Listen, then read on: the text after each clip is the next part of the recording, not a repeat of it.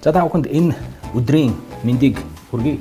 54 кофе жилет подкастын шин дугаар эхлэхэд бэлэн боллоо. Шин дугаар уу юу?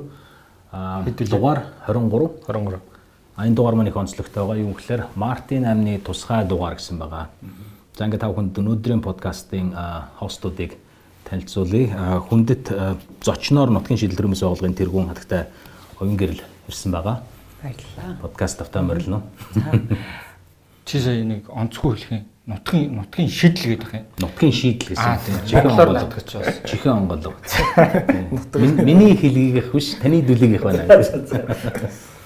За А мөн а, мега урд ирсэн байгаа. хүндэт мега гэж. Хүндэт мега тий. За. Аа мөн бол заахан байна. Өөрөө өөрийгөө танилцуулах. Хүндэт бол Хүндэт өрөлдсөн бол заахан би морилж ирсэн байна. Төрөө ирээгөө. Төрөө чөлөө авсан байгаа.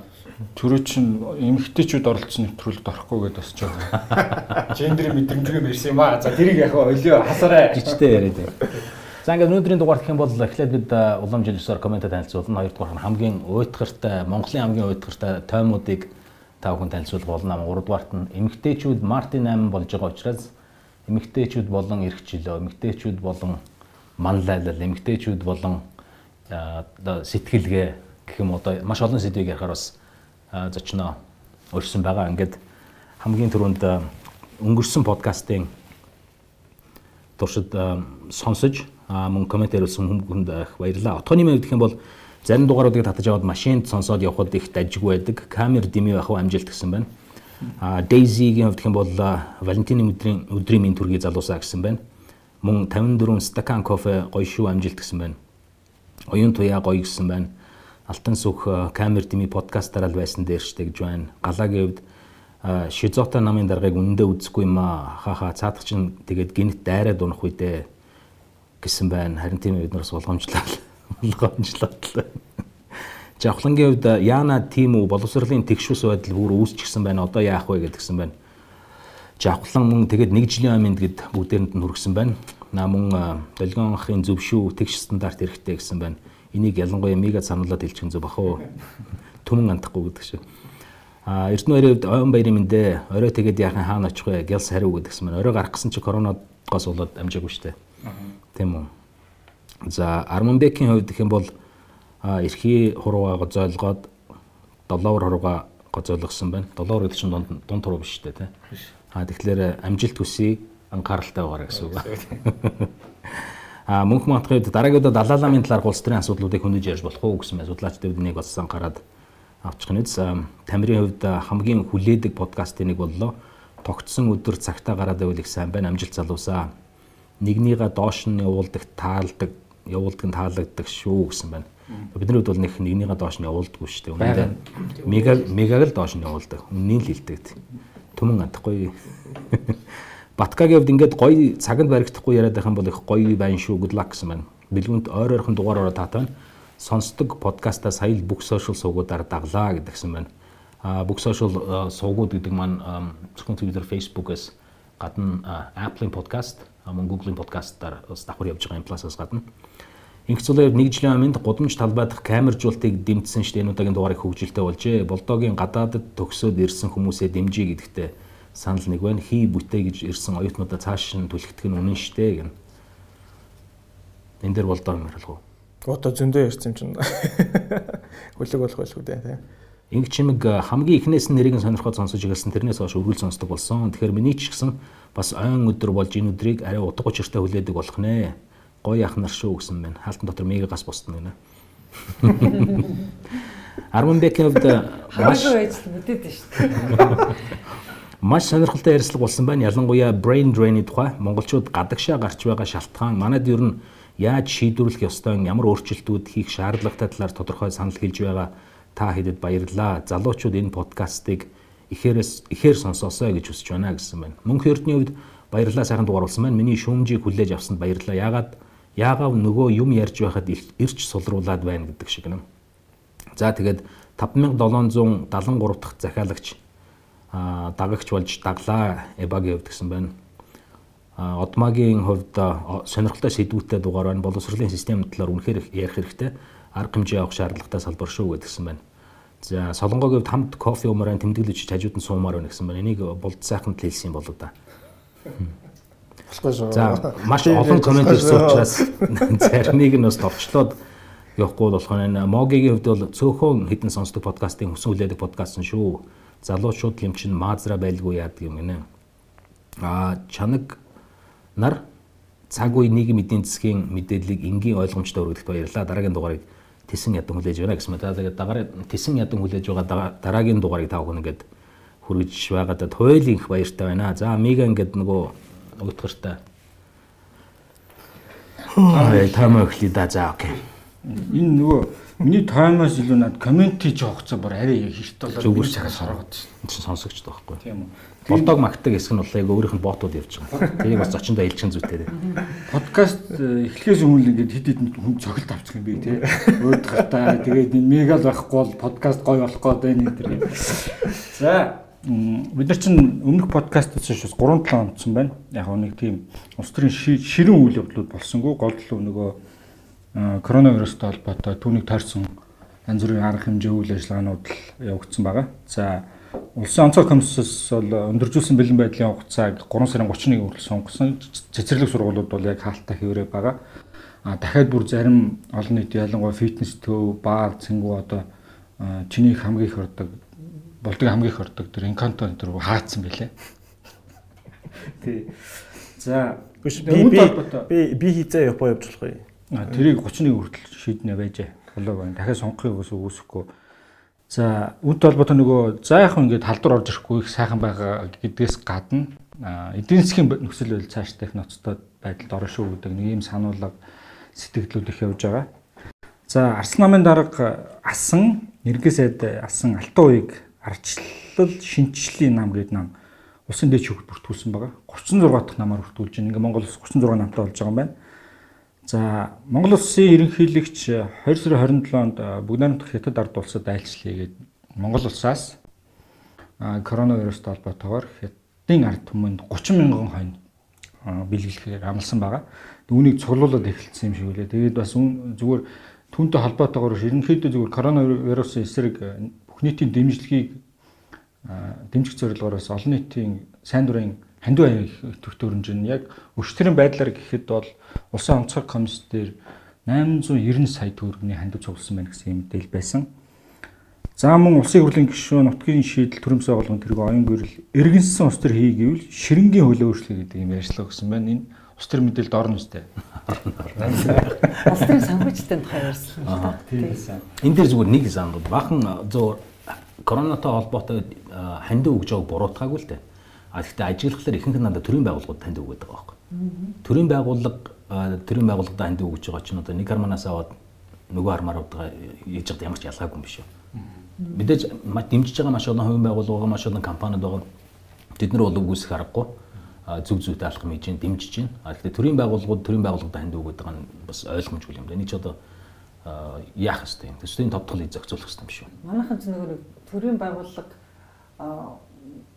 ямар нэгэн байдлаар нэг үйл явдалд оролцож байгаа гэдгийг харуулах гээл хандив мандив гэж харагдаж гарч ирээд байгаа байх л та. Ер нь гэхдээ төрийн байгууллагын оролцох хамгийн сайн оролцоо бол төсвөө зөв зарцуулах шүү дээ.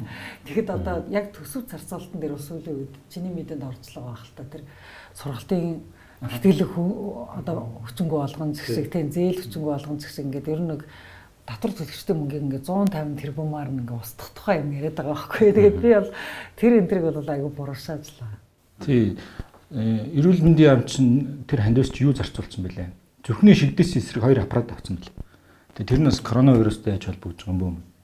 Гэх мэт нэг юм асуултыг айлгах тактик яваад байгаа учраас хүмүүсийн бас өрх сүцний төлөв орж байгаа шиг байна. Тэр нь тэрийг шийдэх гэдэг. Коронавирус чи яг зүрхтэй холбоотой ах уу? Тийм үү? Тий.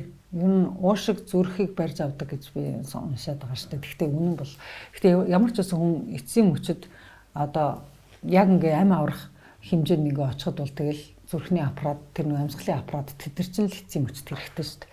Яг тиймэрхүү зүйлүүд бол Та саран гэрэл сайттай хэр холбоотой юм? би ямар ч холбоогүй л за, зүгээр ажиглал байгаа хараал байгаа. Надад бол ямар ч гэсэн коронавирусын нөгөө нэг хариу реакц монголчууд Монголын төрийн байгууллагын зүгээс үзүүлж байгаа реакц бол авч байгаа арга хэмжээнүүд бол надад яг зөв гэж харагдсан. Тийм зөв гэж харагдсан. Тийм.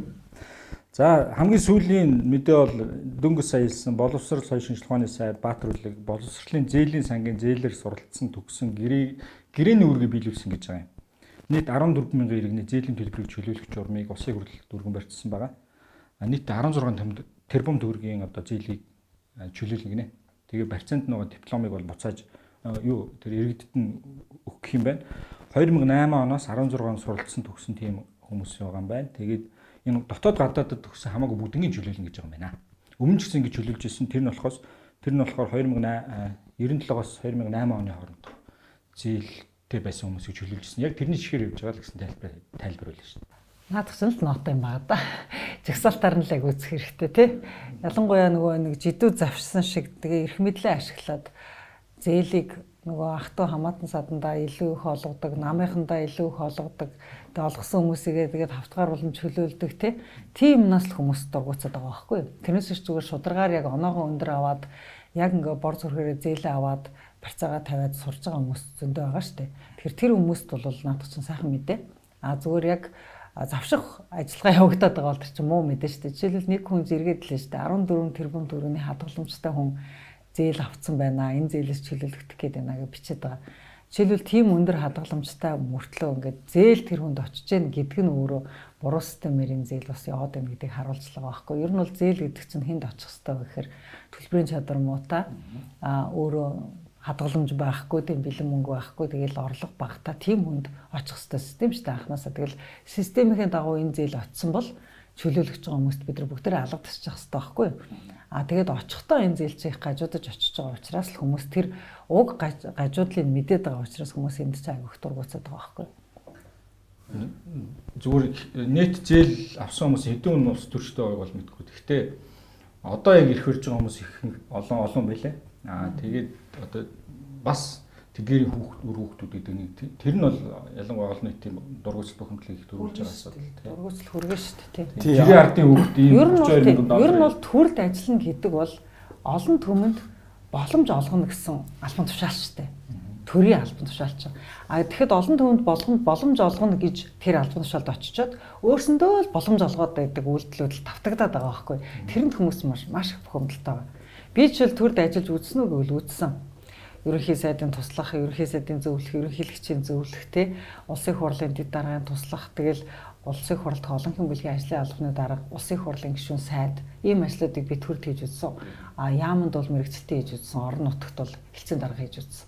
Төрд би 20 гаруй жил ажиллахдаа би жишээлбэл цалингийн зээлнээс өөр зээл төрөөс авч үзээгүй л гэдгийг.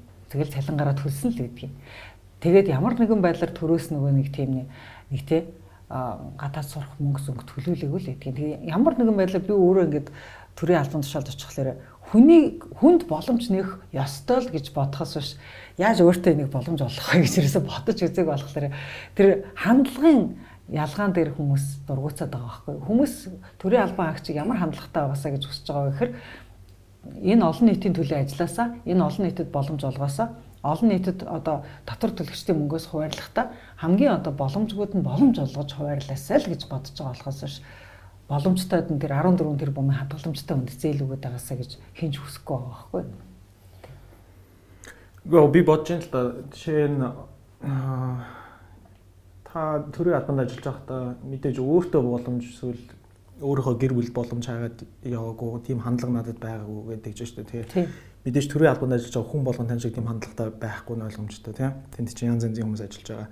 Тэгэхээр хувь хүний хандлага зан чанараас хамаарахгүйгээр одоо тийм шудраг бус хүн орсон ч гэсэн тий шудраг ажиллахаас өөр аргагүй байх тэр зам руу бид нар явмаар байгаа юм л да. Тэгээд танаас юу гэж асуух гээд байгаа гэхээр өөрөө төрийн албанд ажиллаж байхад тийм боломжууд гарч ирж ирсэн үү? Ер нь зүгээр та ашиглаагүй ч гэсэн тий одоо зээл аваад сурч боломж ч юм уу мэдээж мэдээлэлд орхон байдаг ч юм болохоор ч юм уу тий. Тэр талаас нь би жоохон гайхаад байна л да. Тийм боломж, тийм ахуу гэдэг боломж тий ахуу гэдэг боломж асууж асуух юм зүгээр энэ хэр их олддtiin. Эсвэл энэ төрийн албанд ажиллаж байгаа хүмүүс ч өөрөөсөө хайж яваад тийм олоод ингээд яваад байт юм уу? Эсвэл угаасаа А яг зүгээр олон нийтэд зарлагдсан боломжуудаас хүний хувьд бол аплай хийж үзчихсэн л да.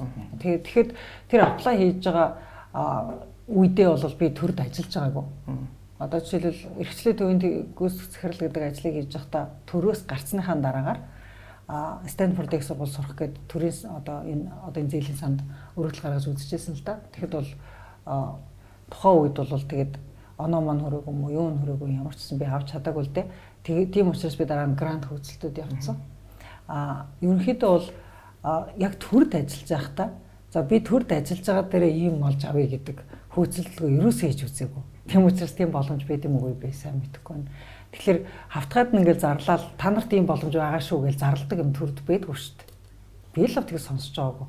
Тэгэхээр зэрэг ингэж очиж олуулаа ингэж авч ийн ингэж олуулаа ингэж авч ийн чинь тийм боломж байна чам тийм боломж олгоё гэж хоорондоо бас бүлэг бүлэглэж ярьж иж энэ боломж тэр хүн тэндээ булгнаад тэр хүн тэндээ яг жидүү шүү. яг жидүү шиг тэгж тийм яг тэгж харагдаад санагдаад байгаа байхгүй. Жидүү авахар одоо яг шударгаар ажиллаж байгаа жидүү жижиг дунд бизнес эрхэлж байгаа хүмүүс болохоор тэр сан руу хандаад бараг хэрэг байхгүй гэсэн тийм хүлээлттэй байхгүй. Угаасаа бүтэхгүй нь ойлгомжтой. Тэр чинь дээгүүрөө аваад ичтэй маа гэдэг ч юм уу а эндээ ижлэхнэр энэ сургалтын төлбөрийн зээл шүү дээ гадагшаа сурах гэж байгаа хүмүүс гэдэг. Тэгтээ дөрвөө би тийшээ хандлаа гэд зээл бүтэхгүй нь ойлгомжтой гэсэн тийм хандлага байдаг юм шиг надад санагдаад байгаа байхгүй юу. Яагаад тэгэхээр энэ зээлийн зээл бол угаасаа тэр дээдсүүдийн тэр их хэмжээтэй хүмүүсийн үр хөвгүүдэд л тийм хандлагатай болтол нь хүн суртлын олон давааг тавьж байгаа байхгүй. Олон давааг ингээд тавиад хүн даахын аргагүй олон даваа тавьчихлаар юу яаж байгаа байхгүй. Тэр зээлийг авч чадах болчихж байгаа байхгүй. Тэгэхээр тэр бид нар бол аль болохоор яг жирийн иргэд авах боломжийн жирийн иргэдэд нээхийн тулд аль болохоор харин гисгүүрийн цөөлөх хэрэгтэй юм бэл. Би одоо төрд энэ ажлыг байхдаа хийж чадаагүй. Гэхдээ би одоо төрөөс гадагшаа одоо гарчаад энэ нутгийн шийдлийнхээ шугамар энэ одоо жорлонгоо өөрчлөлийн хөдөлгөөнийхөө хүрээнд яг натгаж хийж үзэж байгаа. Жидүү зээлийг ингээл улсын хурлын гишүүд хуваагаад авсны дараагаар ер нь жижиг дунд үйлдвэрлэл эрхлэж байгаа хүмүүсийн сэтгэл санаа одоо нөхцөл байдал эрст оройтсан байхгүй. Яг тэр үед одоо жишээлбэл би жорлонгоо өөрчлөе гэдэг хөдөлгөөнд ингээд нэгэд эхэлж явах үед хүмүүс ингээд жорлон авах мөнгө байхгүй жорлон ингээ борлуулах гэхээр жидүүнүүд тэр жорлонгийн одоо амбарын бариад өгөх гэхээр материал авах мөнгө байхгүй. Ингээ ийм ийм ийм эдийн засгийн хямрал дундуур бид энэ жорлонг өөрчилж штэ. Тэгэнгүүт бид нар ямар систем хийж байгаа вэ гэхээр яаж банкны зээлээс бага хүүтэй, банкны зээлээс бага шалгууртай маш амархан авч болдог жорлонгийн зээлийг гаргах уу гэж хөөцөлдөж байгаа л. Тэгээ бид нар одоо юу гаргаж байгаа гэхээр 20% урьдчилгаа төлөөд 20 сарын турш хүүгүү барьцаагүй лизинг гаргаж байгаа байхгүй тийм лизингээр бид нар одоо жоорлонг орлуулж байгаа шүү дээ. Энэ боловсролын зээлтэй холбоотой долгион дугуй суугаад ах хончоо дугуй суугаад байгаа юм шүү дээ.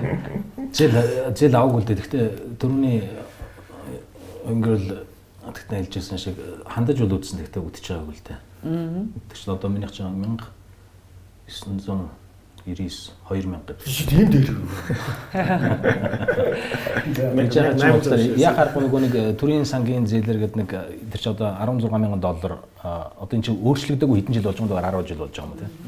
Тэгээд үгүйсэн тэгээд яг тэрэн дээр бол хандхад бол яг харахгүй каран дутагддаг а юу дутагддаг юм байл л да. Арын хаалга дутагддаг юм байл. Уяах тэглээгээд нэг гомдсон юм бол алга. Ягаад тэгэхээр нөгөө зээл аваагүй учраас эдийн засгийн их э, хүндрэлтэй байсан. Тийм учраас хажуугаар нь ажил хийсэн одоо цагийн ажил хийсэн одоо юу гэдэг чинь грант хөдөлсөн тийм грант хөдөлсөн боолын хөдөлмөр эрхэлсэн хүү дээ.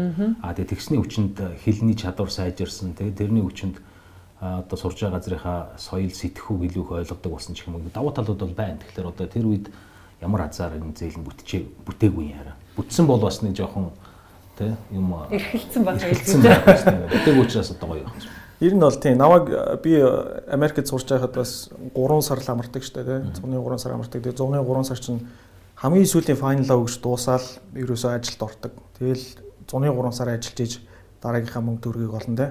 Төвшнийхаа талыг нь олно. Би ч бас 50% тэтгэлэгтэй байсан. Гэхдээ 50% нь өөрөө төлөх ёстой гэх тэгэхээр тэгээд ажил хийдэг байсан. Аа цуг сурч исэн найзуудад дунд бол яг хуу одоо найзтайгаа болгож шийд муухай. Гэхдээ амраад Монгол явцдаг. Тэгэл ингээл фэйсбүүкээр зураг нь яваал тэнд ч амарж нэг ч хөвсгөлд явж байгаа.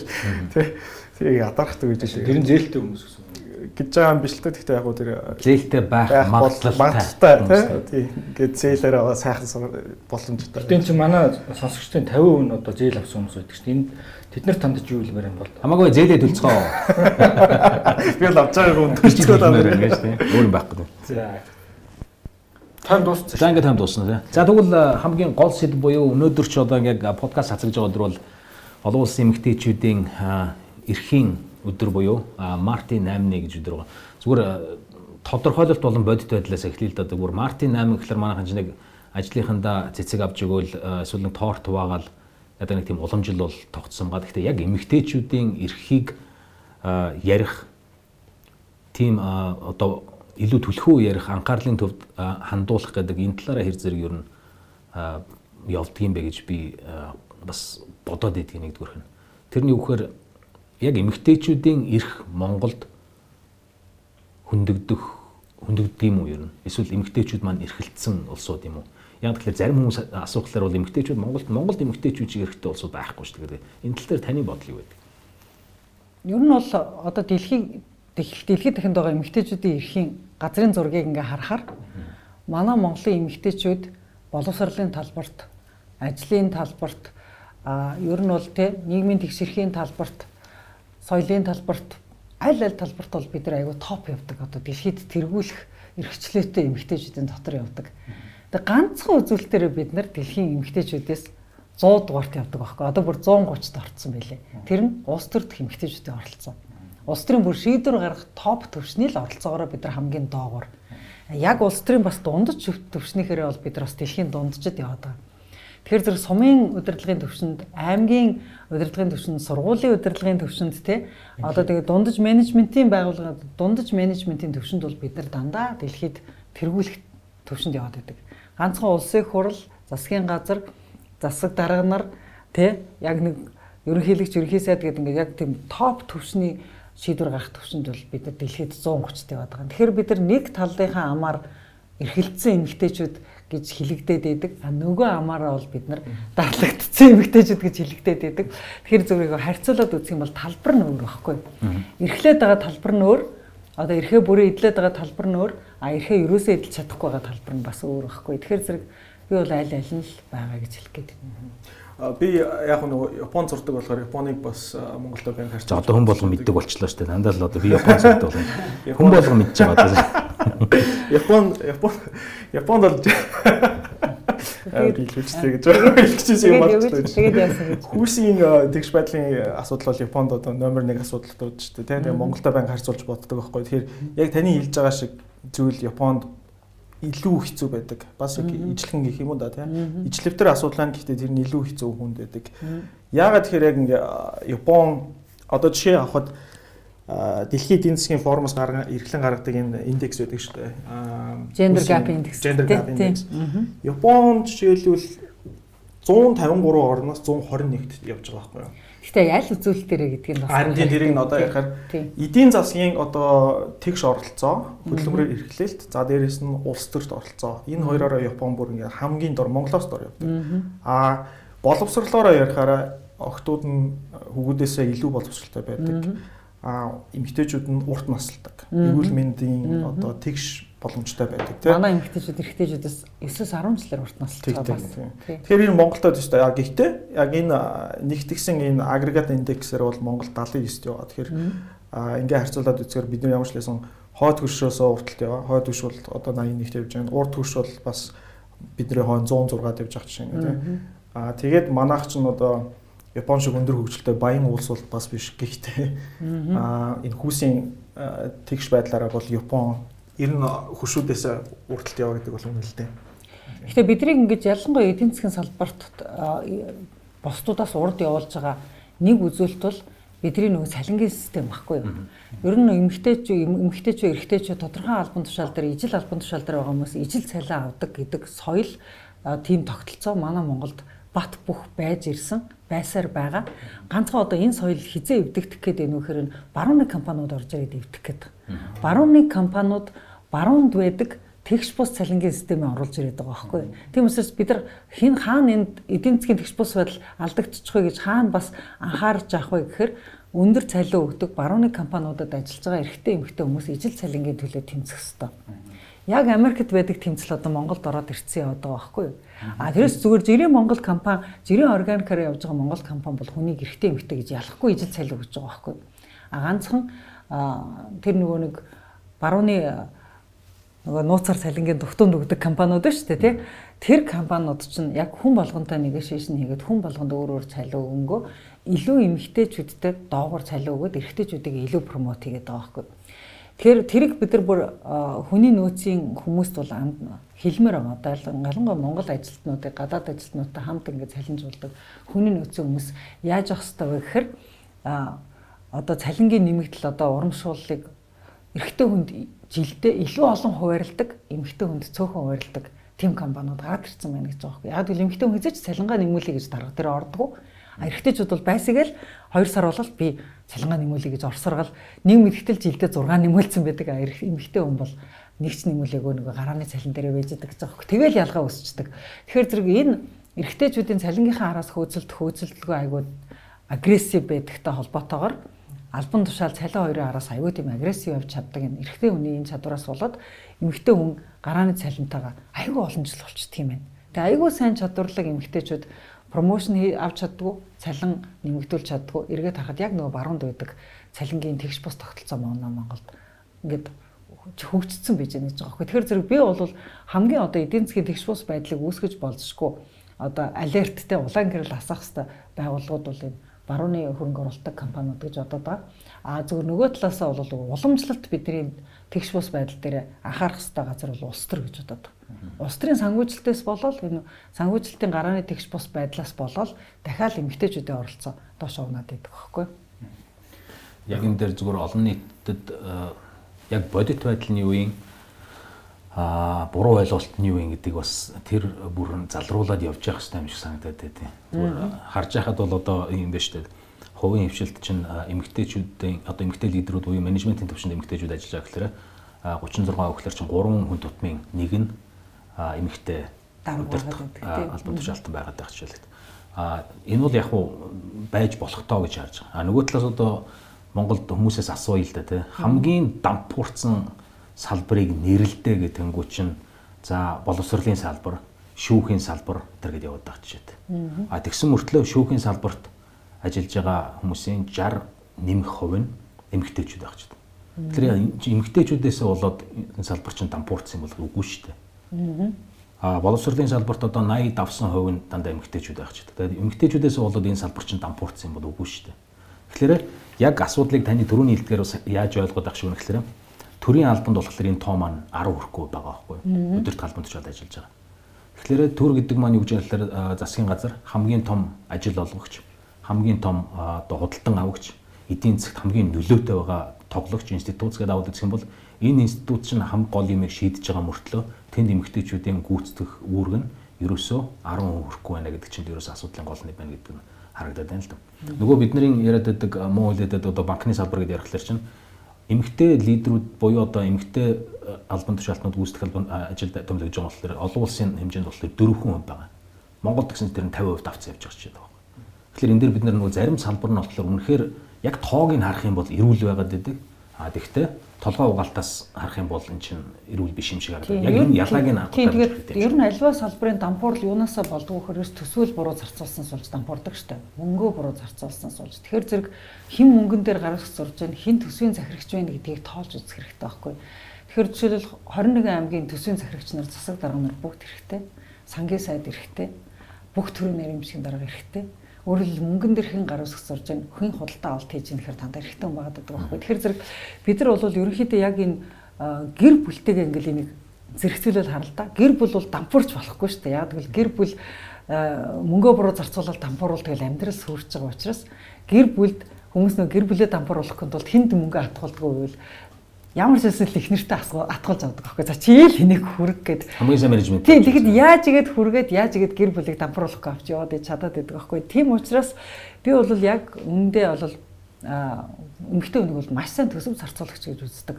Ер нь байгаль дээр ч бид нар тийм зохицолтой төрсөн юм шиг байгаа. Дээр нь ч өшөө нөгөө төсөв зарцуулах тал дээр дандаа яаж баг мөнгөөр хүрэх үү гэдэг одоо нийгэмд хамгийн хэрэгтэй хандлага тэнд байгаад байгаа байхгүй. Тэгэхээр тэр хандлагыг бид нар төр тавьчих хэрэгтэй. А гэтэл төр бол яаж их мөнгөөр буруу зарцуулалт хийж дундаасны мунгаах уу гэдэг юмар айгүйх яваад нь шүү дээ. Тэгэхээр зэрэг бид нар тэр хандлагыг бид нар эмгтэй хүний тэр нөгөө хэмнэлттэй хандлагаар өөрчилж ивж төсвийн зарцуулалт маань сайн болно гэж бодод. Тийм учраас би саяхан тэр нөгөө ярьслага өгтөө Гэхдээ сангийн сайд одоо тийм сангийн ам байгуулагдаад 110 жил боллоо нэг ч удаа сангийн сайттай байж үтсэнгүй эдийн засгийн хямралын үед мөнгө багтаа үед эмгхтэн өнөр төсвөө барилчвал ер нь яасан гэж яриад байгаа байхгүй юу. Гэх мэтийн тийм одоо бид нар чөлгөрл хайгуул хийж эхлэх хэрэгтэй болчиход байгаа байхгүй юу. Яг таны арьсантай холбоотой нэг юм асуулт өргөж байна л да. Одоо бол улсын хурл бол 11 эмэгтэй гişүнтэй.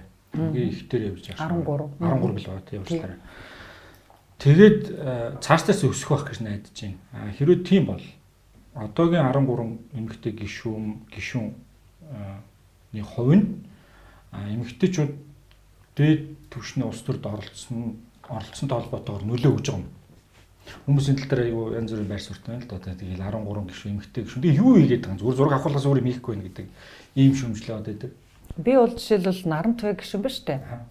А төсвийн анализыг тэгж их уншдаг, мөр мөрөөр нь хардаг айтм айтмаар нь одоо их хурал дээр комент өгдөг тийм гишүүнийг би ерөөсөл харж байгаагүй.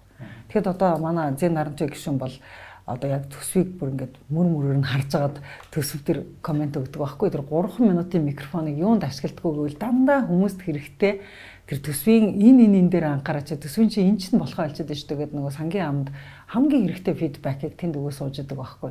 Тэгэхээр зэрэг юмаа хэн уншиж гэн гэхээр яг эмгтэй хүн тэнд уншаа сууж байгаа байхгүй. Одоо би саран гэрэл сайдаг бас магтмаар л байна.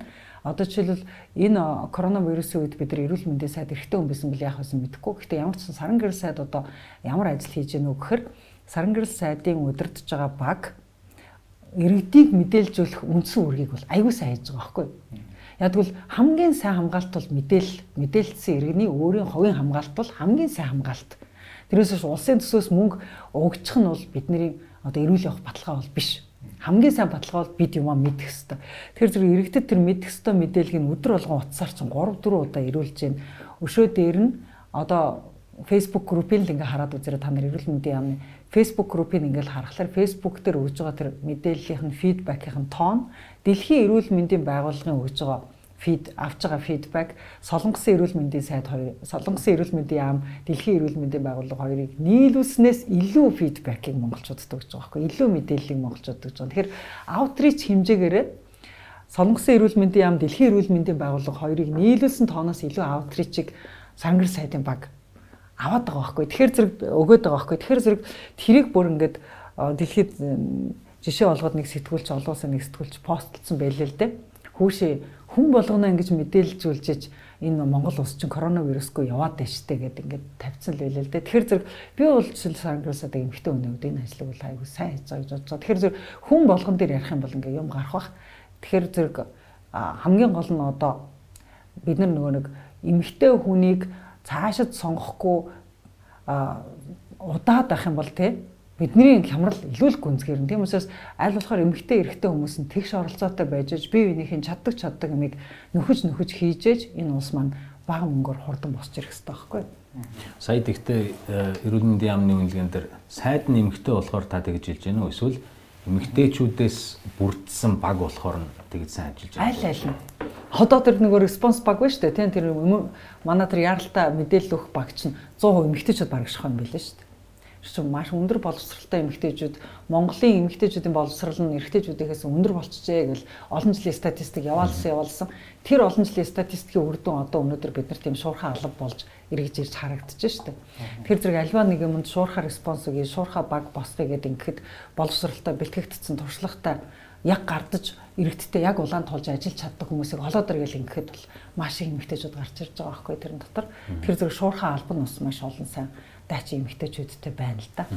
Энэ дээр би зүгээр нэг зүйлийг бас тодруулж хэлье гэж боддог. Тэрний үгээр за миний хувьд гэж ярих юм бол ерөөсөө ямар нэгэн байдлаар хүүсийн хувьд бүгдээрээ тэгш эрэхтэй байх хэрэгтэй гэж үздэг. А энэ үгээр зүгээр л хин нэг нь эрэхтэй бол төрснөөс болоод хин нэг нь эмэгтэй бол төрснөөс болоод ялгуурл эсвэл тусгай одоо тодтгол эсвэл хангамж авах ёсгүй гэж үздэг байхгүй.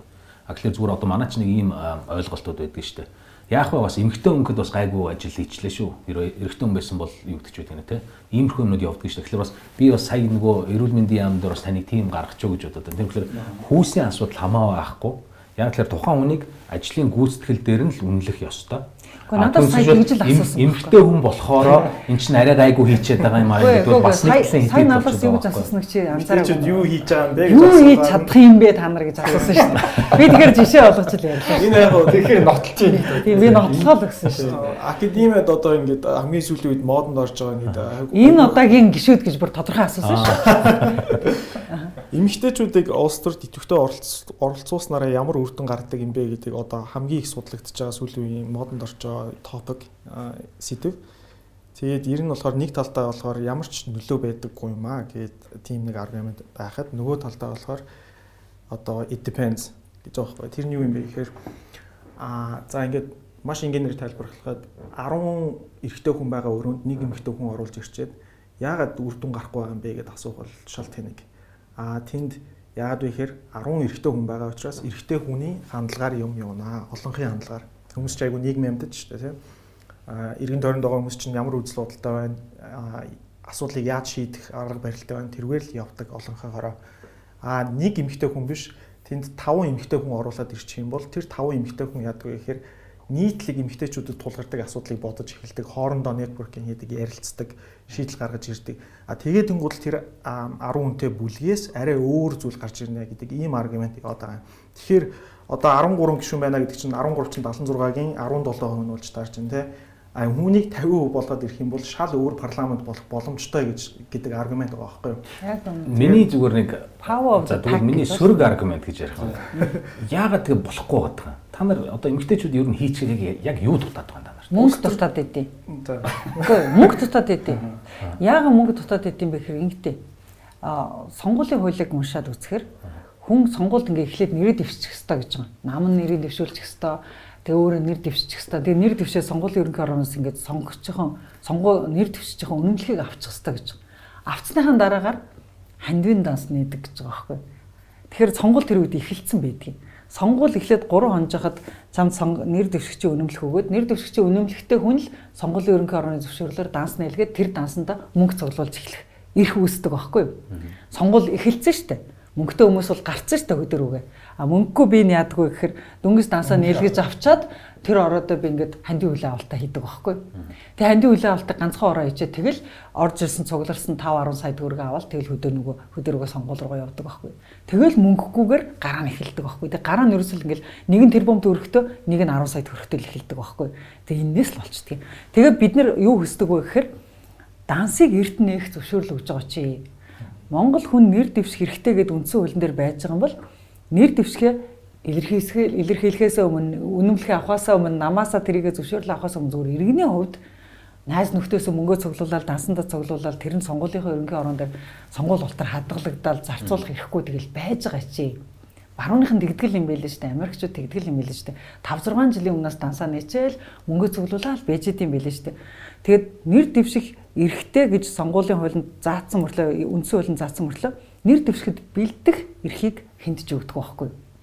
Нэр дэвших бэлдэх эрхийг мөнгөгүй хүнд өгдөг учраас зөвхөн мөнгөтэй хүмүүс сонгуульд ордог. Зөвхөн мөнгөтэй хүнд намайг дүүлчилдэг. Зөвхөн мөнгөтэй хүнд намын идэвхтнүүд дүүлчилдэг. Тэгээ зөвхөн мөнгөтэй хүнийг сонгогчд ингээ бэлгээ гордоод ингээ халгаад ташаад хүлээгээд бийж яадаг байхгүй. Тийм учраас манай эний чинь би ширэнгийн хууль гэдэг.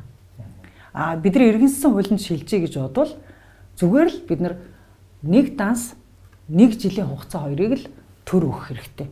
Данс нэх хэрэг нэг жилийн хугацаа. Тэгээ тэр дансаа тэр сонгуулийн ерөнхий орон дээр дансаа нэлгчээд нэг жил тэрэндээ мөнгөө цуглуулж явжгаад хангалттай мөнгө цуглангууд намдаа үзүүлээл хүш би сая бүтэн жилийн хугацаанд 100 сая төгрөг цуглуулчлаа. Та намайг намаас нэр дэвшүүлвэл би намынхандаа 50 саяга өгөөл үлдсэн 50 саяараа өөрөө сонгуулаа хийчихье. Та намайг нэр дэвшүүлэх үү гэд ингээд өөртөө намдаа ёстой нэг мөнгөө үзүүл гэвэл тэр хандваа үзүүлээд намаас нэр дэвшгэх ах болж боломж гарч байгаа байхгүй. Ийм хуультай болох юм бол эмэгтэйчүүд ч олоо орж ирнэ, залуучууд ч олоо олж олоо орж ирнэ. Заавал бизнесийн нэтворкэнд байж ах хэвээр, заавал олигарх байж ах хэвээр гэдэг тэр одоогийн шалгуур бол өөрчлөгдөд тоглоомын дүрм өөрчлөгдөх байхгүй. Тэгэхээр зүр би энэ тоглоомын дүрм өөрчлөгдөж иргэнсэн болохгүй бол монголчууд бол яг чөтгөрийн тойрог руугаа л эргээд орно. Ямар чөтгөрийн тойрогтой байгаа вэ гэхээр сонгуул ултар данс байхгүй. Сонгуул эхлэхэд дансанда тэр бом төгрөгөө хэн байрлуулах вэ гэхээр тэр бом дунгуйтал байрлуулна. Тэгээ тэр тэр бомоо олж авахын тулд жидүүгээ авна. Тэр тэр бомоо эргэж нөхөж холохын тулд нөгөөдөл чинь хулгайгаа нийлж хийн. Ингээл нөгөө нэг хулгайч ба мөнгөтэй хүмүүсийн тойрогч ингээл үргэлжлээд байна. Тэгэл бид нар цөөхөн идэх хүмүүсийг сонгодог. Цөөхөн идэх хүмүүсээс л намууд мөнгө босгодог. Тэгэл тэр цөөхөн идэх хүмүүс нь олсон мөнгөө төрөөсөө эргэж олох гээл төртөөгөө нийлсэн бизнесийн сүлжээ байгуулдаг. Тэгэл ингээл бид нар чөтгөрийн тойрогдоо эргээд байгаа байхгүй. Тэгэхээр энэ чөтгөрийн тойргийг задлах ганц юм бол ерөөсөө санхүүжилтийн зөв хууль. Улс төрийн санхүүжилтийн зөв хууль хэрэгтэй байхгүй. Манад улс төрийн санхүүжилтийн хууль гэж байдгүй шүү дээ. Улс төрийн санхүүжилтийн хууль бол арчилсан иргэдээ сонгуульд өрсөлдөх эрхийг үндсэн хуулиар олгоцсон бүх улсад байдаг. Ганцхан манай Монголд л байдгүй. Яг бол манай Монголд эрхийн хуульчилсан мөртлөө тэр эрхээ эдлэх бэлтгэл ажил хийх процессыг ерөөсөө хулчиж өгдөг байхгүй юу? Бизнес ч уг нь одоо хамгийн ноу хау өндөртэй бөгөөд кост багтаа хийж байгаа нь л үр дүн сайтай ажилтдаг шүү дээ. Одоо бид зөв зүр анзаарч хахад хэрвээ эмэгтэйчүүд Монголын эмэгтэйчүүдийн дунд нэгдэн ягтралшил ихтэй бөгөөд бие биенийгаа хүлээн зөвшөөрөх байдал хангалттай байдаг юм бол солиушн ээж болж байгаа байхгүй. Чи тэгтээ тэр нийт Монголын сая эмэгтэйчүүдийг нэгтгэхэд хичнээн төгрөгний зардал гарах уу гэдэг чинь жишээлбэл бас тооцох хэрэгтэй л дээ. Гарахгүй шүү дээ. За чи тэгвэл сая хүнд одоо ингээ ямар ч мөнгө гарахгүйгээр сая хүнд хандаад нэг өгүүлбэр хэлээд маргааш чи бүтээчихтэй 17 он гэж. За би тэгвэл хэлж байна. Монголын эмэгтэйчүүдийн нам гэж байгуулад нэг сонгуулийн тойрог зөвхөн эмэгтэйчүүд эмэгтэйчүүдийн төлөө саналаа өгч. Болоо. Нам гэж байгуулахад хідэн хэмжээний ажил орж хэр зэрэг олон хүн хэр зэрэг их зардал гаргаж байсан нам гэдэг сая хүнээс одоо хэдэн намын шалгуур нь хэдэн байдаг вэ? Гэхдээ хэдэн зардал гарч хэдэн цаг гардыг. 801. За би сая хүнээс 801 нь л цуглараад нам байгуулж л та. За та нар айгүй айгүй зохион байгуулалт хүнийг зохион байгуулахыг та нар нэг лего угсарж байгаа юм шиг бодох гэдэг юм. Угаасаа лего угсарч байгаа. Хүн бол легоны хэсэг биш. Уучлаарай хүн болгон амьд организм өөрийн толгойтой өөрийн приоритеттэй амьдралын өөрийн зорилготой ийм амьдралын өөр өөр зорилготой өөр өөр чиглэлд явж байгаа хүмүүсийг нэг зөвхт хандуулах хэмжээний public education хийнэ гэдэг бол асар их зардал гардаг ажил үйдий. Одоо та нар эрүүл мэндийн яам энэ коронавирустай тэмцэх education-ыг бидэрт олох гэж ямар зардал гаргаж байгааг бол бид нар мэдэхгүй. Сайжруулсан төлшийг хүмүүс төлөвлөх гэж хичнээн зардал гаргасныг бол би мэдэхгүй. Би юуг мэдэж байна гэвэл жорлонгоо өөрчлөё. Энэ нүхэн жорлон хэрэггүй шүү гэдгийг олон түмэнд хэлэхэд надад лав би сая 3 жилийн дотор 2 тэрбум орчим төгрөгийн public education ажил хийлээ. Тэрний зүгээр яг ингээд зөвхөн бензин шатхуунд гараад ингээ 21 аймгаар тойрсон мөнгө нь л 500 сая төгрөг. Тэр зэрэг public education их хүмүүсийг нэг зүгрөө харуулах чинь айгүй costly ажил байхгүй айгүй өртөгтэй ажил. Хүмүүс яагаад энийг өртөггүй гэж бодоод идэх юм бэхээр өөрснөө тэрэнд хизэж мөнгө зарцуулдаг. Аль болохоор хүмүүс юмыг тий бэлэн маа гэд ингээд өгчих гээд идэг. А тийм учраас нөгөө хүний толгойд юм хийн гэдэг чинь мөнгө орд юм а гэдэг хүмүүс юусэн мэддэг. Тэгэхээр сонгуульд бол мөнгө ордог. Би зүгээр ингэж бодоод байна. Та хэрвээ намайг үнэхээр генен грамматик маягаар бодож байгаа гэвэл яг тэр тэр дор. Яг тэгэхээр эмгтээчүүд улс төрийн байна уу нийгмийн одоо дээд чатанд илэрхийлэл төлөөлөл баг байна уу бүгдээрээ л эмгтээчүүд мэдж байгаа. Энэ байдлыг өөрчлөх хэрэгтэй юу гэдгийг бүгдээрээ л эмгтээчүүд мэдж байгаа. Тэгвэл энэ байдлаа өөрчлөхийн тулд бид нар яах хэрэгтэй юм бэ гэдэг мөнгө ямар шаардлагатай юм? Би надад мөнгө хэрэгтэй. Яа нэлээд одоо тийм эмэгтэй хүмүүст эмэгтэй нэр дэвшигч нарт өөрөө өөрийгөө өөрөө өөрийгөө сонгуульд ингээд тасралтгүй кампанаар тэр 17 хоногийн кампанид ажил явагдаж дээ. 17-оос заримдаа сар өндөр болно. Тэр 17 хоногт өөрийнхөө ухуулагч нарыг цалинжуулах, өөрийнхөө тэр бензин шатхууныг тасралтгүй байлгах, өөрийнхөө тэр зарыг хүргэх, зараар ирсэн хүмүүсийн дотор сони хөвлөлээ тараах, сони хөвлөлээ хөвлүүлэх гэдэг энэ бүх зардлыг төлөх хэмжээний санхүүгийн чадхтай болчвол манай боловсралтай чадaltaй эмэгтэйчүүд маш өөртөө ихтэйгээр тэр ус төрд орох байхгүй. Тэдрийг өөртөө ихтэй болгож чадахгүй байгаа юм юу вэ гэхээр яаж мөнгө босгохол мэдэхгүй байгаа. Яаж мөнгө босгох гэхээр тэд нар өнөөдрийн жунглийн дүрмэгт тэр хүлээж авч чадахгүй байгаа байхгүй эмэгтэйчүүд. Яг л эмэгтэйчүүдэд өнөөдрийн сонгуулийн хуулийг уншаал өгөхөр за за болио байлаа наа сонголт ч орохоо боллоо гэдэг байхгүй. Яагаад тэгэхээр өнөөдрийн сонгуулийн хуулиар бол та бэлэн мөнгөтэй бэлэн мөнгөө кармала байж тэгээд сонгуул эхлэн эхлэнгүүт данс нэгдэн данс нэгдэнгүүт та тэр дансанд өөрийнхөө дэмжигчдийн мөнгийг 3 хоногийн дотор цуглуулж хийгээд тэгээд сонгуульдаа гар гэхээр үгүй надад 3 хоногийн дотор мөнгө цуглуулах хугацаа байхгүй. Би бүх хүмүүстэй уулзаж олон хүнтэй уулзаж жоохон жоохноор цөөхөн цөөхнөр хүмүүсээс цуглуулж иж хідэн дөрөв босгоно гэхэд бол надад дор хаяж хагасч ил хэрэгтэй шүү. Ер нь эмгтэй шүүжтэйг бас эрэгтэйчүүд бас яг тэгж богино хугацаанд хөрөнгө босгол хэлдэг шүү. А тэгэхээр та тэр санааг юу гэж бодож байна? Монголын эмгтэйчүүд үнэхээр асуудал байгаа юм бол түүхэндээ ганцхан удаа нэгдэж нэгэн байгуулад нийгмийн одоо демографийн тал хувь нь шүү дээ. Тэгэхээр зөвхөн энэ сонгуулиар эмгтэйчүүдийн төлөө санал огцгоо шүү гэдэг ийм нэгдэл байх боломжтой юм уу? Улс төрийн сонгуулийн улс төрийн намыг сонгуул Тэгэхгүй бол нөгөө хоёр айгу хэцүү. Хоёр намаас ингээл царай алдаад 20% квот өгчөж тэхүү айн нэргээл эсвэл нөгөөдөл нөө өгөө дараа бол юм бол эднэргээл нэг тэгээд байгаа юм биш үү? Яг хөө зүгээр нам байгуулах чинь нам гэдэг институцийг дараа нь хэн санхүүжүүлж авч явах уу? Хин тэр гişүүдийг нөгөө байнга идэвхжүүлж явах уу? хин тэр сүлжээг босгох уу гэдэг энэ чинь тэгэл бизнес сусгатал адилхан ажил шүү дээ. Тэгэхээр хин нэгэн хүнд тэрэнд чинь бүр lifetime dedicationтэй байж ш тэр чинь босголцсон шүү дээ. Тэгэхээр зэрэг бэлэн тогтцсон систем дээр амжилтанд хүрэх нь зүгээр л цаг хугацааны хувьд айгүй прагматик байгаа байхгүй юу? Миний хувьд бол жишээлбэл би надад одоо хоёр хүүхдээ гаргана үсгэн тэн гэр орноо авч явна тэгснэ дараа нь өөрийнхөө амьдрал амжиргааны төлөө ном дэвтрээ бичнэ тэгснэ нийгэмд өөрийнхөө хоббитой сэдвэр тэ жорлон морлон сэдвэрээ ажиллана надад л бол жишээлбэл тэ хин нэгэн хүнтэй нийлээд цоошин нам босголцоод явах уу бэлэн систем дээр та үзэлцэх үү гэдэг ингээд асуух юм бол надад бол бэлэн систем цагийн хувьд хамаагүй нэлттэй тийм. Тэгээ уг нөгөө квот яриад байдаг шиг яг энэ эмгтээчүүдэд бол алдсан цаг хугацааг л уг нь нөхөж өгийгээд байгаа шүү дээ. Хүмүүс нэг бэлэн гуугаад байгаа шүү. Гэтэ гуйхтаа бол бас яг нэг айгу дараахан гуугаад байгаа 30% гээд таадгүй байгаа байхгүй. 30% биш 50% байх хэрэгтэй шүү дээ. Ер нь бол бидний бол нэгдсэн үндэсний байгууллагын өмнө амлсан амлалт маань бол 30% байхгүй юу? Дэлхийн нийтийн өмнө одоо дэлхийн нийтийн доктортой өгслийн зорилтыг хэрэгжүүлэх хувь маань 30% байхгүй юу? Тэгээ дэлхийн нийтээрээ ярьж ярьж ярьж ярьж за бүх орны 30% өрчих юм бол эмэгтэйчүүдийн оролцоо бол нэг арай хангалттай болох юм байна. Тэгэх юм бол энэ улс орнуудын гаргаж байгаа шийдвэрүүд нэг арай доктортой болох юм байна гэдэг тэр 30% гэдэг тоог дэлхийн нийтээр тогтоож авсан. Тэгэхээр бид нар дэлхийн өмнө амлсан бидний амлалт бол 2030 он гэхэд Монголын улс төрийн топ түвшний гурван албан тушаалтны нэг нь эмэгтэй хүн байна гэдэг л албан амлалттай шүү дээ. Дэлхийн готод бид нар 30 он гэхэд Монгол улс бол төрийн гурван өндөрлөгийн нэг нь бол эмэгтэй л байх хэрэгтэй байхгүй юу? Одоо бидний амласнаар бол ийм байдлаар бол бид нар гурван өндөртмийн нэг гэдгээр бол явж байгаа зөвөр энэ төвшөндөө бид нар хизээ яаж хүрэх үү?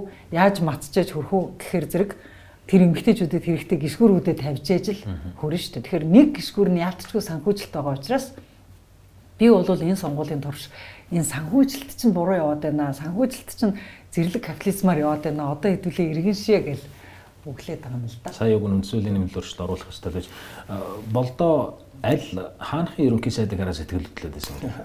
Финландын ерөнхий сайд Сана Марин гэдэг 1985 оны бүсгүй бүсгүй байна. Аа ерөнхий сайд засгийн газраа бүрдүүлэхдээ одоо хүйсийн 50 50% байсан баха. Үгүй actually 50-аас илүү хувь нэмэгтэйчүүд. Тэгээд бүгдээрээ 80 хэдэн оны тийм залуухан бүсгүүчүүд. Илүү мэдээлэл уу? Бид нар одоо жишээл санхүүжилтээ яаж усгасан? Зохион байгуулалтанд яаж усгасан? Финланд, Монгол хоёр их өөр.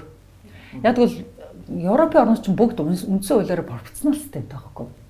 Тэгэхээр манах сая үндсэн хуулиндаа пропорционал систем оруулж чадсангүй шүү дээ. Тэгэхээр манах бол мажоритар системтэй улс. Тэгэхээр бид нар мажоритар системтэй харьцсан орнуудыг л харах хэрэгтэй.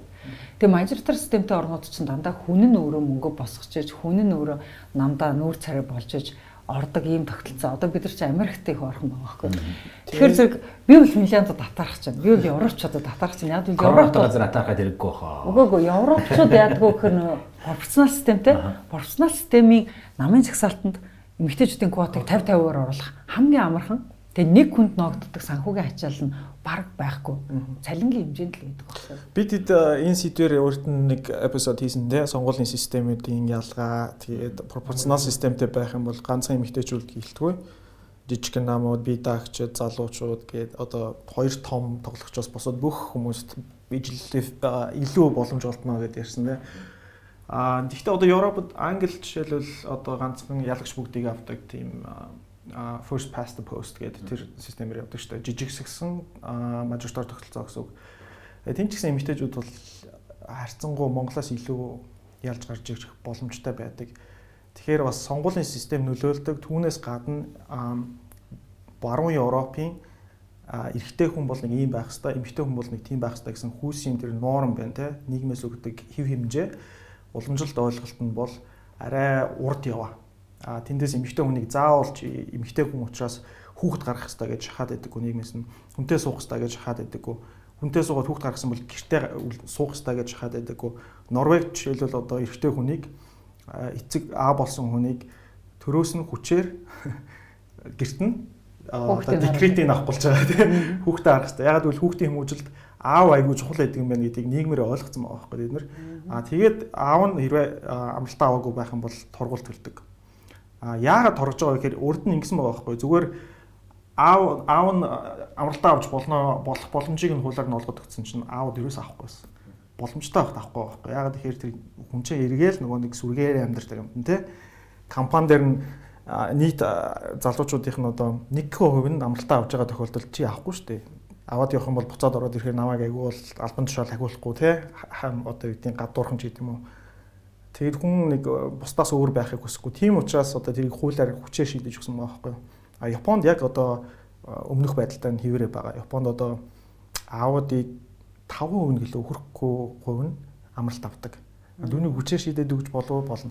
Тэр энэгээр юу ч хэлэх гээд байгаа юм бэхээр сонгуулийн тогтолцоо чухал чухал мөнгө чухал чухал ийм систем э, системийн асуудлуудыг одоо хуулиар шийдэж болох асуудлууд чухал гэхдээ бас тэр э, бичигдээгүй хууль гэж байна тийм нийгмийн хэв хэмжээ. Бичигдээгүй хууль буюу нийгмийн соёл тийм соёл тийм. Энэ шийдэгдэх гэж нэлээ уддаг. А Европ бол ерөөсөл анхнаасаа анхнаасаа ийм прогресс байгаагүй. Тэд нар чинь түүхэндээ маш олон жилийн туршид э, одоо өөрчлөгдөж өөрчлөгцөөр байгаа төдийг хүрсэн.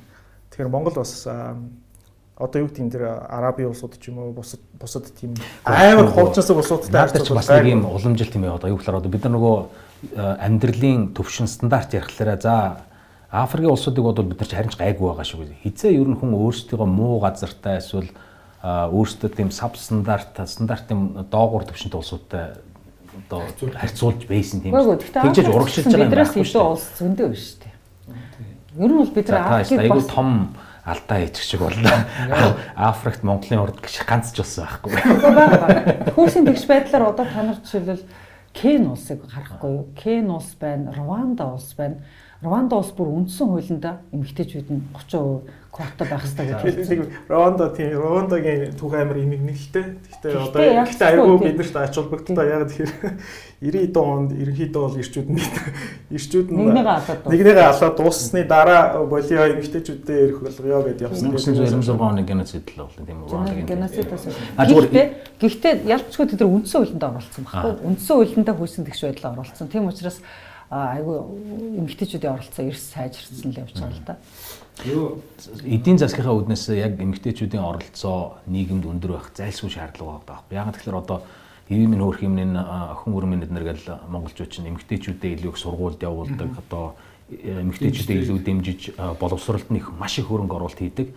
А тэгээ яг энэ хөдөлмөрийн насанд дээр болохоор нөгөөдөл нь хүүхэд шуухад гээд алга болчдөг ангийн арга төслөр хамгийн өсвөр наснд нь хамгийн хөрөнгө оруулалт хийж байгаа тэр нийгмийнхаа бүлгийг бид нар яг эдийн засагт хэрэгтэй үед нь болохоор гэртэн суулгаад байгаа байхгүй. Гэхдээ яг бод байдлаар тийм биш. Гэхдээ бод байдлаар тийм. Яагаад тэгэхээр одоо жишээлбэл танаа хүүхэд яасалд явахгүй, танаа хүүхэд сургуульд явахгүй бол үүрэг нь хэн дээр ногддгийг. Жишээ нь танаа гэр бүлтэй. Одоо бүр бидний бүр нөгөө нэг хариултаа байж та энэ энэ хүнийг хариулуулчих. За яг бод байдлаар болно шүү дээ 90 оноос хойш 90 оноос хойш зүгээр би танай асуудал яа. Гендрийн тэгш бус байдал алдагдсантай холбоотойгоор эмэгтэйчүүдэд нийгмийн хамаг ачаа өргөдөг болсон. Эмэгтэйчүүдийн нийгмийг ч өмцөнд авч явж байна. Ганцхан 8-аас эхлээд одоо ч гэсэн тухайлбал гэр одоо юу гэдэг эрэгтэй эмэгтэй нөгөө ганц ганц бие тий ганц бие гэр бүлүүдийн тонд эмэгтэйчүүд л охирч шít эрчүүд нь боловсрал багтаа эмэгтэйчүүдийн шалгуурыг хангаж. Боловсралтай улсууд чинь л эдийн засгийн хувьд илүү үр бүтээмжтэй ажиллаж шүү дээ. Гендерүүд би харин ч эмэгтэйчүүд ихээс илүү бид нэр эрэгтэйчүүд рүү анхаарахгүй бол энэ нэг юм чинь болохоо байцсан тийм төвшөнд орсон. Яг бүхэл шийдвэр гаргаж амж анхаарал яадаг юм. Би бол ингэж бодож байна. Угаасаа хугацаа дуусчихсан хариулсан. Үгүй хариулчлаа. Хугацаа дуусчин тэгээд айгүй юм нухацтай сэдвээс гадна цөмөр нөгөө зочноо. Жон хөнгөн сэдвээр орё гэж бодож байна та одоо жорлонгоо өөрчлөе гэж төсөл байна. Тэгээд бас нэг э, загварын шоунд брэнд сурчлагаа явьж байгаа тий. Брэнд. Urban. Тий, Urban. Тэгээд бас хоёрч ном гаргачлаа. Тэгээд 20 оны таны төлөвөө нь одоо нэр ингээд энэ болгоно ороход ус төр дорой гэж бодож байна эсвэл энэ болгоныг үргэлжлүүлж болох улс төрийг л хийнэ гэж бодож байгаа. За. Тийм. Би бол жорлонгоо өөрчлөе гэдэг ажлыг үргэлжлүүлж болох улс төрийг л хийнэ. А тэрнээс биш яг жорлонгоо өөрчлөлт гэдэг сэдвийг бол ерөөсөө орхихгүй. Нэг зүгээр маш товчхон та манай сонсогчдоос хэлдэг. Жорлонгоо өөрчлөлт гэдэг үгийг хүн болгон сонссон. Нутгийн шийд гэдэг байгууллагын ард байгаа юм байна. Маш товчхон хоёр өгүүлбэрээр яг жорлонгоо өөрчлөлт гэдэг төсөл яагаад эхлэх болсон? Одоо яг ямар байдалтай байгаа? Ямар үед энэ байгууллага маань бүгдээрээ аж аргалтай болох юм бэ гэдгийг хэлээд өгвөл. За, ер нь бол яагаад эхэлсэн гэвэл тийм нөхөн жорлон өвчний үүр болчиход байгаа учраас хөрсний бохирдол, эрүүл мэндийн ачаалал, усны бохирдол гурвыг нөхөн жорлон бий болгоод байгаа учраас энийг устгах зорилгоор эхэлсэн. А тэгвэл бидний зорилго бол манай төслийн зорилго бол энийг жорлон зүгээр тараах замаар хизээч сольж чадахгүй байна. Энийг бизнес болгох замаар шийдэх хэрэгтэй байна гэд бид нар бизнес схемийг босгох гэж сая 3 жил боллоо. Одоо яг ингээд өөрөө өөрийгөө аваад явдаг, надтай надгүй өөрөө өөрийгөө ингээд жорлонгоо өөрчлөд явдаг тийм бизнесийн схемийг босгож бид нар сая 3 жил өөрчлөөд тодорхой бүтээгдэхүүнүүдтэй, тодорхой схемтэй, тодорхой төлбөрийн тогтолцоотой ийм одоо схемийг босгоод явж байна. Цаашдаа бид нар энэ системийг олон хүнд хүргэхийн тулд дахиад нөгөө зүгээр тарах аргаар биш, бизнесийн аргаар хүргэхийн тулд одоо бизнесийн тэлэлтийг яаж хийх вэ гэдэг бэлтгэл ажлыг одоо хийж байгаа байхгүй. Тэгэхээр зэрэг олон бизнесийг яаж оруулах вэ? Олон бизнес энэ жорлон өөрчлөх ажилд яаж оролцвол энэ өөрөө sustainable business модель болох вэ гэдэг тэр модельн дээр бол бид нар одоо ажиллаж байгаа. Танаа хүү эдгээр одын нэг комеди шоу бид нар бид нар гэж би лав үздэг энэ хоёр үздэг хэсэг мэдхгүй нэ. Үзэн үзэн үздэг. Үзэх ойлгох юм уу? Жог хүндтэй дэдэ биш. 2 3 хоногийн дараа одоо ойлгод юм байна. Сэтгэхүй удаантай учраас бас тийм зүрээс нэг ойлголт юм байна. Байна уу? Одоо ер нь үзсэн үү? Үзлгүй яах вэ? Чи монголоор ойлгох уу? Ойлгох шүү дээ. Тэгээ монголоор л яриад байгаа шүү дээ. Тэн дээр нөгөө таныг бас нэлээд таны дүр байдлыг нэлээд гаргасан тийм хэд хэдэн юу үзэгдэл байдаг. Байсан санагч. Тэгээд Анзаарахад бол та юу юм шиг байгаа. Нийгэм бүтээсэн гэх юм уу эсвэл нийгэм байдаг дүр чинь яг энэгээр дээр нь дахиад яг тэр дүрээрээ гэрте байдаг. Багцдаг гэсэн үг. Гэтэл чинь хүн бол баг нөгөө гэрте нэг дүртэй, ажил дээрээ нэг дүртэй, дахиад олон нийтийн дунд эсвэл паб ч юм уу нэг юм юм дүрийг бүтээдэг. Таны дүр бол баг нэг л юм шиг байна. Би ерөөсөө өөрчлөгдөж чаддгүй. Хөвөрч өөр өөр дүрээр гарч ир чаддгүй маа нэг жүжиглэлт муутай. Яаж ч эсвэл баригдчихдаг юм байгаа. Тэгээд яаж улс төрч карьерийг ингээд амжилттай хийж яваа. Гэхдээ ийм дүртэй хүн улс төр хийж болно гэдгийг харуулж шүү дээ. Тийм болох юм байна. Батцандан бол ингээд нийгэмд нэг юм дүр бүтээсэн. Тэр дүрээс ерөөсөй гарч чаддгүй. Тэг ингээд юм л бол хөмсгөө зангидаг. Тэр уул нь хүүхд тахта тийм байгааг болох л та. За тэр бос түүнийг би бол мэдэхгүй зүгээр. Би бол өөрөөр л байхгүй бол амар хэцүү байд шүү дээ. Нь гэхдээ өөрөөр байхгүй ер нь 50 онд чаддаг юм уу? Тийм л дээ бас яг өөрөө. Би бол яг өөрөөрөө байж аягүй сайхан 50 амард тийм. Танаас бол санаа зовоодох юм алга л дээ. Тэгэхээр одоо нийгэмд байгаа дүүрэн гэрте байгаа хоёр бол яг нэг байхад бол нэг санаа зовоодох юм бол байхгүй. А жишээл бацааннаг болохоор одоо юу ч гэдэг яг нийгэмд байгаа дүрээр гэрте байна гэхээр би л мэдхгүй онтож чадахгүй байх.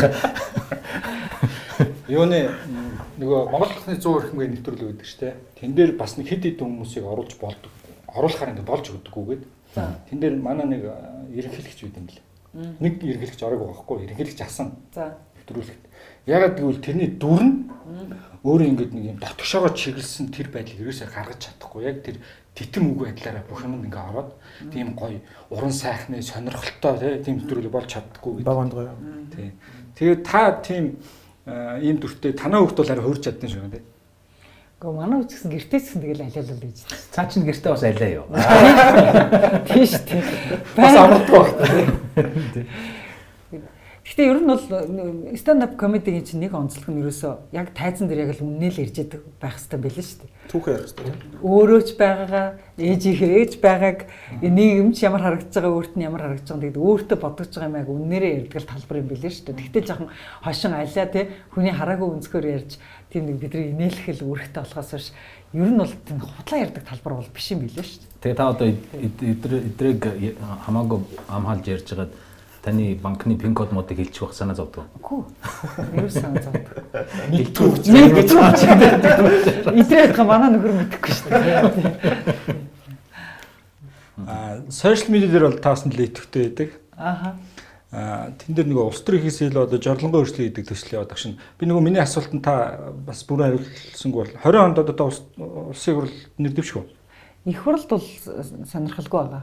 Зүгээр орон нутгийн төвшөнд бол нөгөө яг жорлон өөрчлөх ажилд гардуу оролцох. Шууд засаг гаргах гэсэн үг шүү дээ. Жорлон өөрчлөх ажилд гардуу оролцох боломжийг бол би хайжлаа л да. Аа тэр тийм ээ те харилцлаа сая. За баярлалаа. Дэмжинэ би. Дэмжин сайн биш юм. Ардын намын гişүн. Аа. Таныг дэмжиж яа гэдэг чинь бол бас сайн биш үү? Жоржон бас айгүй те чих задарсан байна нь болсон.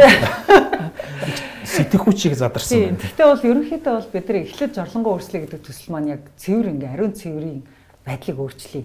Ер нь нөхөн жорлонго устгая. Яг ингээ бохор жорлонгоос цэвэрхэн жорлондоо шилжиж гэдэг ийм одоо нийтийн эрүүл мэндийн төсөл маягаар хэлж ялла л да анх эхлэхдээ. Одоо энэ төсөл маань юу болчихоо явж байгаа вэ гэхээр энэ жорлон гэдэг зүйлийг чи олон хүнд ажлын байр бий болгож ээж л өөрчлөхгүй бол хүн эндээс ч мөнгө л олохгүй бол айлын жорлон хинж очиж өөрчилж өгөхгүй юм байна. Ийм учраас энийг тийм эдийн засгийн одоо жидүүнүүд мөнгө олж болдог ийм юм болох хэрэгтэй байна гэд одоо эн чинь ажлын байр бий болох төсөл болж явж байгаа байхгүй. Тэгэхээр бид нар өнгөрсөн жилийн турш би одоо 2 3 жилийн турш 2 тэрбум орцон төгрөг зарцуулсан зарцуулсан явж байгаа гэдээ хэлжсэн шүү дээ. Тэрэн дотроос яг яг маркетинг энэ олон нийтийн боловсролоос гадна ямар нэмэнд мөнгө зарцуулагдаа явж байгаа нөхөр яг тэр бизнесийнхний эргэлтийн санд мөнгө зарцуулагдаа явж байгаа байхгүй. Тэгэнгүүт тэмжинээс бид нар сая юу олж харж байна вэ гэхээр сая ингээд нодлон ингээд 19 оны 6 сарын 1-ээс шинэ бүтээгдэхүүн нэвтрүүлэл эхлэхэд хагас жилийн дотор 200 жорлон өөрчлөхөд бид нар 30 40 жидүүг ажилтаа олгож байгаа байхгүй. Тэгээд тэрэн дотор ялангуяа жорлонгийн амбаар угаасны байгууламж байгуулаа явж байгаа нэг жидүү гэхтэл нодлон 6 сарын дотор 170 сая төгрөгийн ажил хийсэн байгаа байхгүй. А тэр нь жорлонгийн борлуулагч гэдгээр ингээд утасны апн дээр борлуулалтын ап суулгаад уцаар ингээд борлуулалт хийсэн хүмүүс гэхэд 5 сая 800 мянган төгрөг хувааж авсан байгаа байхгүй. Одоо ингээд гэр гэрээ орлого болол тэр ингээд яаж хүмүүсийг орлогожуулах вэ? Яаж хүмүүст багц гэсэн мөнгийг хүртээж боломжийг хүртээх замаар олон хүний мотивацийг бий болгох уу гэдэг ажлыг л манайх хийж байгаа байхгүй. Одоо тэгээд одоохондоо бол бид нар нэг 100-аад хүнийг ингээд мотивацжуулаад явж байна. Тэгээд цаашдаа бол нэлээд олон одоо бизнесийн талууд орж иж том том мотивацтайгаар орж ирж энэ ажил олон хүний ажил болж иж олуулаа нийлж 600 мянган жорлонго өөрчлөх юм байна гэсэн ийм л схемтэй явж байна. Нэг сонирхолтой асуулт. Монголчууд ч нөгөө хэмрэл ундаа гээд хог асах ч юм уу жорлонгийн асуудал руу хотголдгоо социализмын үед ч марыг нөгөө нөхөн жорлон хятадуудаар цэвэрлүүлдэг гэсэн гээд хариулт байгаа. Тэрний үгээр жорлонгоо шийдэх тусам хэмэр сэргдэг гэж хэлээ. Гэхдээ тийм л дээ. Энд дээр нөгөө тийм хүүсийн янз бүрийн юмнууд байдгүй. Хамгийн сонирхолтой нь анх хичээл зааж эхэлж байхад жорлонгоо өөрчлөе гэдэг хичээлд дан эмэгтэйчүүд ирдэг байсан. Химрийн асуудлаас болоод 10 дахь хичээлээс эхлээд бид чинь нийтдээ 56 хичээл зааж явж байгаа шүү дээ. 10 дахь хичээлээс эхлээд эрэгтэйчүүд манай хичээлд орж ирсэн. Бизнес гэж харцаад гэж үү? Мөнгө гэж харж ирсэн. А бүр 20 дахь хичээлээс эхлээд эрэгтэй эмэгтэйгээ харьцаад тэгшүүлж ирсэн. Одоо манай жорлонгоо өөрсдийн хөдөлгөөн дотор байгаа яг ингээд жорлон дээр мөнгө хийгээд явж байгаа хүмүүсийг харахад хүүсийн харьцаа эрэгтэйчүүд амгаа байгаа. Эрэгтэй хүмүүс илүү эрэгтэйчүүд аваа байт юм да. Эрэгтэй хүмүүс илүү орлого олж байгаа. Тэгэхээр зэрэг ер нь бол а одоо бол манай жорлонгоо өөрсдийн хөдөлгөөн дотор ямарваа нэгэн хүүсийн стигма байхгүй байгаа.